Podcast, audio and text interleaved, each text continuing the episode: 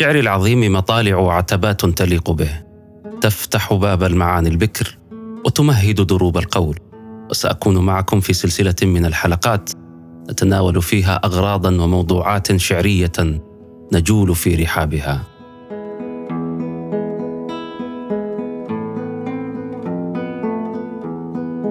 مرحبا. معكم فيصل الشهراني في بودكاست مطالع من منصة معنا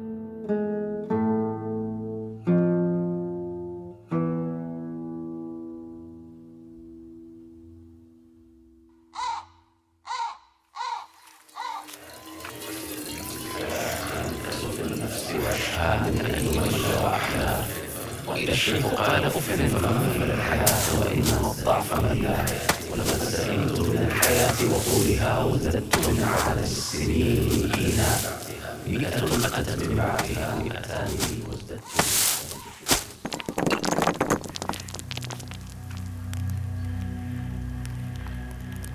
يعد الرثاء من أجل أغراض الشعر وأعرقها أنداها من ناحية الحرف وأصدقها من ناحية العاطفة. وهذا طبيعي لارتباطه بحكاية الموت وقصة الفناء. وما ثم أمة من الأمم إلا وعرفت هذا المعنى وصيرته تجارب وجدانية على مر العصور. رثاء النفس اللي هو موضوع حلقتنا اليوم. وإن كان تفريعا أو تنويعا على غرض الرثاء إلا أن له فرادة تصبغه بلون خاص. وهذا طبيعي ففيه يرثي الشاعر نفسه وينعى ذاته. حيث تولد قصيدة رثاء النفس من رحم لحظة الموت والشعور به. هذا اللقاء يسفر عن نص مهيب قلق يشرح الحال ويتوقع المآل. ويجري شريط العمر فتيا عصيا على النسيان. يلتقط منه الشاعر مواقف ورسائل تكثف الشعور وتبدي ما خفي ودق من العواطف والتجارب والعواصف. من أجل هذا كان شعر رثاء النفس استثناء من حالة الشعور الجمعي بالموت اللي هو رثاء النفس من خلال الجماعة كما يرد في قصائد الوعظ والزهد. هذا لا يمنع بطبيعة الحال اختلاط رثاء النفس أحيانا بأغراض أخرى كرثاء الآخر وشكوى الزمان والخلان ووصف الشيب ونحو ذلك.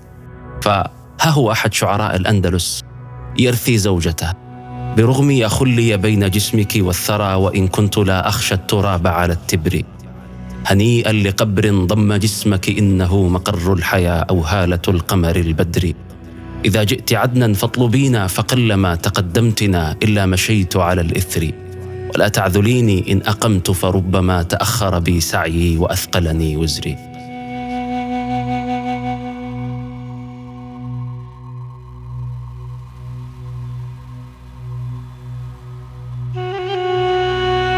رثاء الذات تجربة لا تتهيأ لكل شاعر ولا يستطيعها أي قائل لأنها تحتاج قدر كبير من استعداد النفس والصدقية العالية والحساسية المفرطة. فنص قصيدة رثاء النفس يحمل قدرا عاليا من التوتر الشعري والتعقيد النفسي. أجل ذلك تعجب الجاحظ من جودة شعر طرفة وعبد يغوث في لحظات الموت وأنه لا يقل عن جودة أشعارهما حال الأمن. من أجل هذا وغيره كان لشعراء قصيدة رثاء النفس سمات وصفات أهمها حالة التقدير العالي للذات وهي نوع عميق من الاقتناع بالكفاءة الذاتية والتأثير الفعال في المحيط. قصيدة رثاء النفس ترتكز في أوقات كثيرة على فكرة المجد، هذا المجد قد يتمثل في البطولة والشجاعة، خذاني فجراني بثوبي إليكما فقد كنت قبل اليوم صعبا قياديا. وقد كنت عطافا إذا الخيل أدبرت سريعا لدى الهيجا إلى من دعانيا وقد كنت صبارا على القرن في الوغى وعن شتم يا ابن العم والجار وانيا وطورا تراني في ظلال ونعمة وطورا تراني والعتاق ركابيا ويوما تراني في رحا مستديرة تخرق أطراف الرماح ثيابيا لاحظ لاحظ معي اختيار مالك لقافية الياء المفتوحة في قصيدته. فكأنه يستغيث ويصرخ وينادي دون طائل. لكن مفهوم البطولة هذا قد يتغير باختلاف الزمان أو تغير الشاعر. غازي القصيبي نفى عن نفسه البطولة في قصيدته حديقة الغروب. لكنه أكد عليها من زاوية أخرى فهو بطل ولكن بمعايير مغايرة. فبطولته تنتمي للأنفة المتسامية على منطق المصلحة والمحاباة الغالب على عصره. وإن مضيت فقولي لم يكن بطلا لكنه لم يقبل جبهة العاري وإن مضيت فقولي لم يكن بطلا وكان يمزج أطوارا بأطواري. من سمات شاعر قصيدة رثاء النفس كذلك حالة الشعور بالغبن المجتمعي عدم الحصول على التقدير المستحق. فيقوم الشاعر بإنصاف ذاته كعملية تعويض استباقية. ومن السمات الرغبة في خلق شعور بفداحة الخسارة لدى الآخرين. عن طريق رسم صورة مثالية للذات. طرف ابن العبد إذا مت فارثيني بما أنا أهله.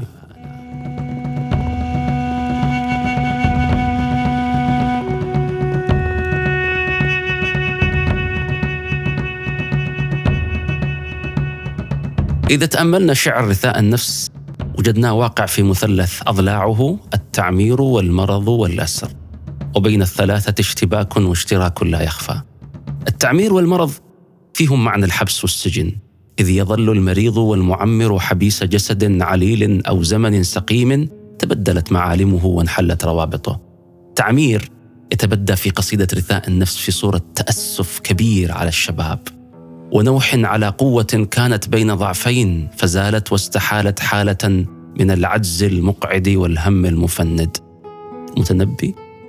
ولذيذ الحياة ينفس في النفس وأشهى من اي مل واحلى وإذا الشيخ قال أف فما مل الحياة وإنما الضعف ملا. آلة العيش صحة وشباب. فإذا وليا عن المرء ولا. حالة التأسف هذه على زمن القوة ورحيل الشباب تزداد وتترسخ. في مجتمعات تقدس القوة وتعظمها كالمجتمع الجاهلي. المعروف باستسهال الحرب والغزو واستبسال أهله في الغارات والثارات. يقول أبو عمرو بن العلاء ما بكت العرب شيئا ما بكت على الشباب. عمرو بن قميئة مثلا رمتني بنات الدهر من حيث لا أرى فكيف بمن يرمى وليس برامي؟ وأهلكني تأميل ما لست مدركا وتأميل عام بعد ذاك وعامي. طبعا نعرف أن التعمير موصول بغربه الزمان ووحشه الأيام. الشاعر يعيش عصر لم يألف وعادات جديدة يعسر عليه تقبلها. من قدماء الشعراء الجاهليين الذين تقدمت بهم السن فرثوا أنفسهم زهير ابن جناب الكلبي يقول قد عمرت حتى لا أبالي احتفي في صباحي أم مسائي. وممن تقدمت بهم السن كثيرا المستوغر ولقد سئمت من الحياة وطولها وازددت من عدد السنين مئينا مئة أتت من بعدها مئتان لي وازددت من عدد الشهور سنينا من بلغ الشيخوخة وعمر كثيرا الحارث ابن كعب. أكلت شبابي فأفنيته وأفنيت بعد دهور دهورا. ثلاثة أهلين صاحبتهم فولوا وأصبحت شيخا كبيرا. قليل الطعام عسير القيام قد ترك الدهر خطوي قسيرا. أبيت أراعي نجوم السماء أقلب أمري بطونا ظهورا. من أشد مظاهر اليأس حقيقة من الحياة والضجر منها حالة غريبة وهي رثاء مجموعة من الشعراء لأنفسهم في أعمار مبكرة. أحدهم رثى نفسه لما بلغ الأربعين. مرور الأربعين أطار نومي وأجرى فوق صفح الخد دمعي. آخر رث نفسه قبل الأربعين. ثلاثون عاما قد تولت كأنها حلوم تقضت أو بروق خواطف. وجاء المشيب المنذر المرء أنه إذا رحلت عنه الشبيبة تالف. رثى محي الدين بن سراقة نفسه عندما بلغ الخامسة والعشرين. كان يعتقد أنه لن يزيد عن الثلاثين فمات بعد أن جاز السبعين. إلى كم أمني النفس ما لا تناله فيذهب عمري والأماني لا تقضى. وقد مر لي خمس وعشرون حجة ولم أرض فيها عيشتي فمتى أرضى. إذا كان التعمير سبب لاغتراب الشاعر فالأسر بطبيعة الحال سبب ثان وسبيل مؤد إلى ضرب من الغربة الجبرية نتيجة وقوع الشاعر أسير لدى الأعداء. أحس غير واحد من الشعراء عند وقوعهم في الأسر بدنو الأجل اقتراب الموت. فراحوا يسكبون دموع البين على حياة لم تعد ملك اليدين. من هؤلاء عبد يغوث الحارثي وقع أسيرا لدى قبيلة تيم الرباب ونظم قصيدة يقطر كل بيت من أبياتها دما ودمعا. ألا لا تلوماني كفى اللوم ما بيا وما لكما في اللوم خير ولا ليا. ألم تعلم أن الملامة نفعها قليل وما لومي أخي من شماليا فيا راكبا إما عرضت فبلغا ندماي من نجران ألا تلاقيا. ولو شئت نجتني من القوم نهدة ترى خلفها الخيل الجياد تواليا. وتضحك مني شيخة عبشمية كأن لم ترى قبلي أسيرا يمانيا. أقول وقد شدوا لساني بنسعة امعشر تيم اطلقوا عن لسانيا فإن تقتلوني تقتلوا بي سيدا وإن تطلقوني تحربوني بماليا طرف ابن العبد في السجن ينتظر القتل بعدما سجنه والي البحرين بأمر من ملك الحيرة عمرو بن هند. ألا اعتزليني اليوم خولة أو غضي فقد نزلت حدباء محكمة القبض. أزالت فؤادي عن مقر مكانه وأضحى جناحي اليوم ليس بذي نهض. وإني لحلو للخليل وإنني لمر لذي الأضغان أبدي له بغضي. كذلك ما جرى للمعتمد بن عباد ملك إشبيليا. فقد ختمت حياته بالنكبات والمحن وسقطت دولته على يد المرابطين ثم سجن في أغماد. ما حضرته الوفاة رثى نفسه بكلام مؤثر صادر عن طوايا النفس وخفايا المأساة وأوصى أن يكتب على قبره قبر الغريب سقاك الرائح الغادي. حقا ظفرت بأشلاء ابن عبادي لو حاولنا البحث عن ذاكرة تتشكل فيها ومعها قصيدة رثاء النفس سنجد حضور طاغي للمكان. اعتاد الشعراء إيراد الأمكنة وديار الأحبة في محاولة للقبض على ما يتفلت منهم. علي بن الجهم لما أصابته طعنة نافذة وهو راحل مع قافلة احس الموت. جعل يقول يا إخوتي بدجيل وأين مني دجيل فأبكى كل من في القافلة. عندما أراد امرؤ القيس العودة من بلاد الروم منصرفا عن قيصر وكان قيصر قد أعطاه حلة مسمومة وصل امرؤ القيس لأنقرة لبس الحلة فتقطع جلده وهلك. وقبل أن يموت رأى قبر امرأة في سفح جبل عسيب. الذي مات عنده. فأنشد أجارتنا إن الخطوب تنوب. وإني مقيم ما أقام عسيب. أجارتنا إنا غريبان ها هنا وكل غريب للغريب نسيب. فإن تصلينا فالقرابة بيننا وإن تصرمينا فالغريب غريب. أجارتنا ما فات ليس يؤوب وما هو آت في الزمان قريب. وليس غريبا من تناءت دياره ولكن من وار التراب غريب. مع المكان تأتي المرأة كذاكرة ثانية حية ثرية لها رصيد وجداني هائل في قصائد رثاء الذات. مالك بن الريب ويا ليت شعري هل بكت أم مالك كما كنت لو عالوا نعيك باكيا؟ إذا مت فاعتادي القبور وسلمي على الريم أسقيت الغمام الغواديا. تري جدثا قد جرت الريح فوقه غبارا كلون القسطلاني هابيا رهينة أحجار وترب تضمنت قرارتها مني العظام البواليا. إلى أن يقول أقلب طرفي فوق رحلي فلا أرى به من عيون المؤنسات مراعيا. وبالرمل مني نسوة لو شهدنني بكين وفدين الطبيب المداويا. فمنهن أمي وابنتاها وخالتي وباكية أخرى تهيج البواكيا كأن المرأة بكافة تجلياتها اتحدت بالأرض فمثلتا معا الإحساس بالفقد والعزاء في ذات الوقت. تأمل معي قول لبيد بن ربيع العامري تمنى ابنتاي أن يعيش أبوهما وهل أنا إلا من ربيعة أو مضر؟ فإن حان يوم أن يموت أبوكما فلا تخمشا وجها ولا تحلقا شعر وقولا هو المرء الذي لا خليله أضاع ولا خان الصديق ولا غدر إلى الحول ثم اسم السلام عليكما ومن يبكي حولا كاملا فقد اعتذر. هذا الباب يعجبني قول أبي فراس الحمداني يرثي نفسه ويعزي ابنته. ابنيتي لا تحزني. كل الأنام إلى ذهاب ابنيتي صبرا جميلا للجليل من المصاب. نوحي علي بحسرة من خلف سترك والحجاب. قولي إذا ناديتني وعييت عن رد الجواب. زين الشباب أبو فراس لم يمتع بالشباب. لو تتبعنا قصيدة رثاء النفس من ناحية زمنية سنجد أن الشعراء الجاهليين أكثروا من رثاء أنفسهم. ولعل هذا عائد للظروف الصعبة التي عاشوها يقول ابن قتيبة. بلغني أن أول من بكى على نفسه وذكر الموت في شعره يزيد بن حذاق.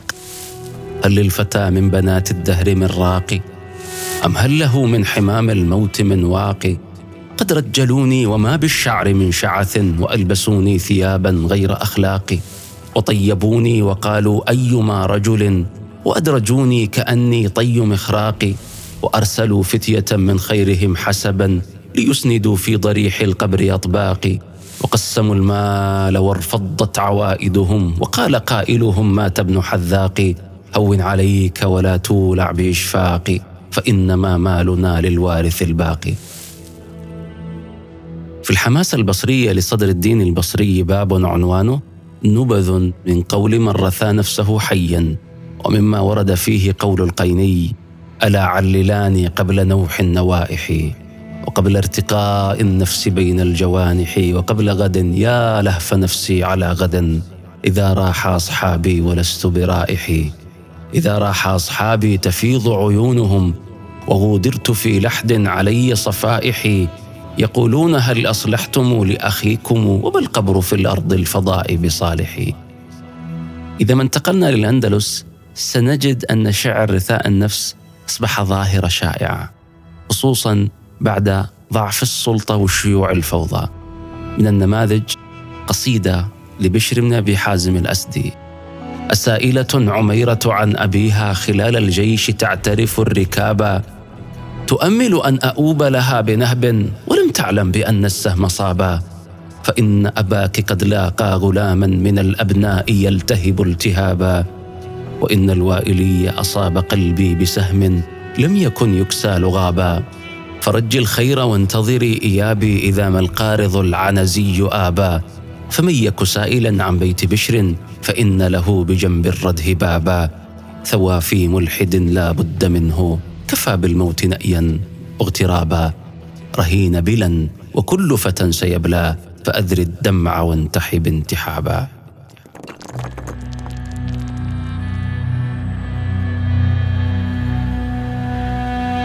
وأسرق من محمود درويش خاتمة أنيقة لما كنا فيه ففي جداريته الشهيرة استحضر لحظة الفناء وعبور بوابات الرحيل بلغة رشيقة عميقة دفاقة فقال: لا شيء يوجعني على باب القيامة لا الزمان ولا العواطف. لا أحس بخفة الأشياء أو ثقل الهواجس. لم أجد أحدا لأسأل أين أين الآن؟ أين مدينة الموتى وأين أنا؟ فلا عدم هنا في الله هنا في الله زمان. ولا وجود وكأنني قد مت قبل الآن. أعرف هذه الرؤيا وأعرف أنني أمضي إلى ما لست اعرفه ربما ما زلت حيا في مكان ما وأعرف ما أريد. سأصير يوما ما أريد سأصير يوما فكرة. لا سيف يحملها إلى الأرض اليباب ولا كتاب. كأنها مطر على جبل تصدع من تفتح عشبة لا القوة انتصرت ولا العدل الشريد. سأصير يوما ما أريد سأصير يوما طائرا. أسل من عدم وجودي. كلما احترق الجناحان اقتربت من الحقيقة وانبعثت من الرماد. أنا حوار الحالمين. عزفت عن جسدي وعن نفسي لأكمل رحلتي الأولى إلى المعنى فأحرقني وغاب. أنا الغياب. أنا السماوي الطريد سأصير يوما ما أريد.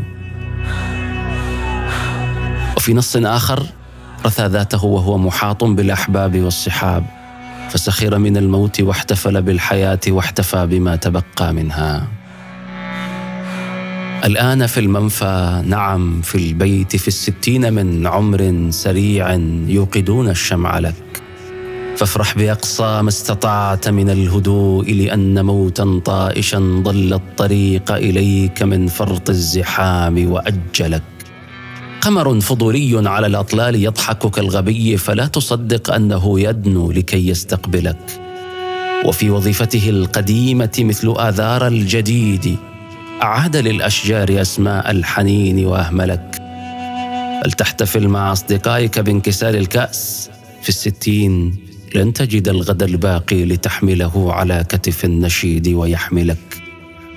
قل للحياة كما يليق بشاعر متمرس سيري ببطء كالإناث الواثقات بسحرهن وكيدهن.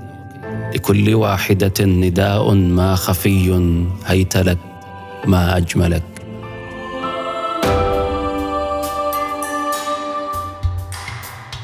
شكرا لاستماعكم.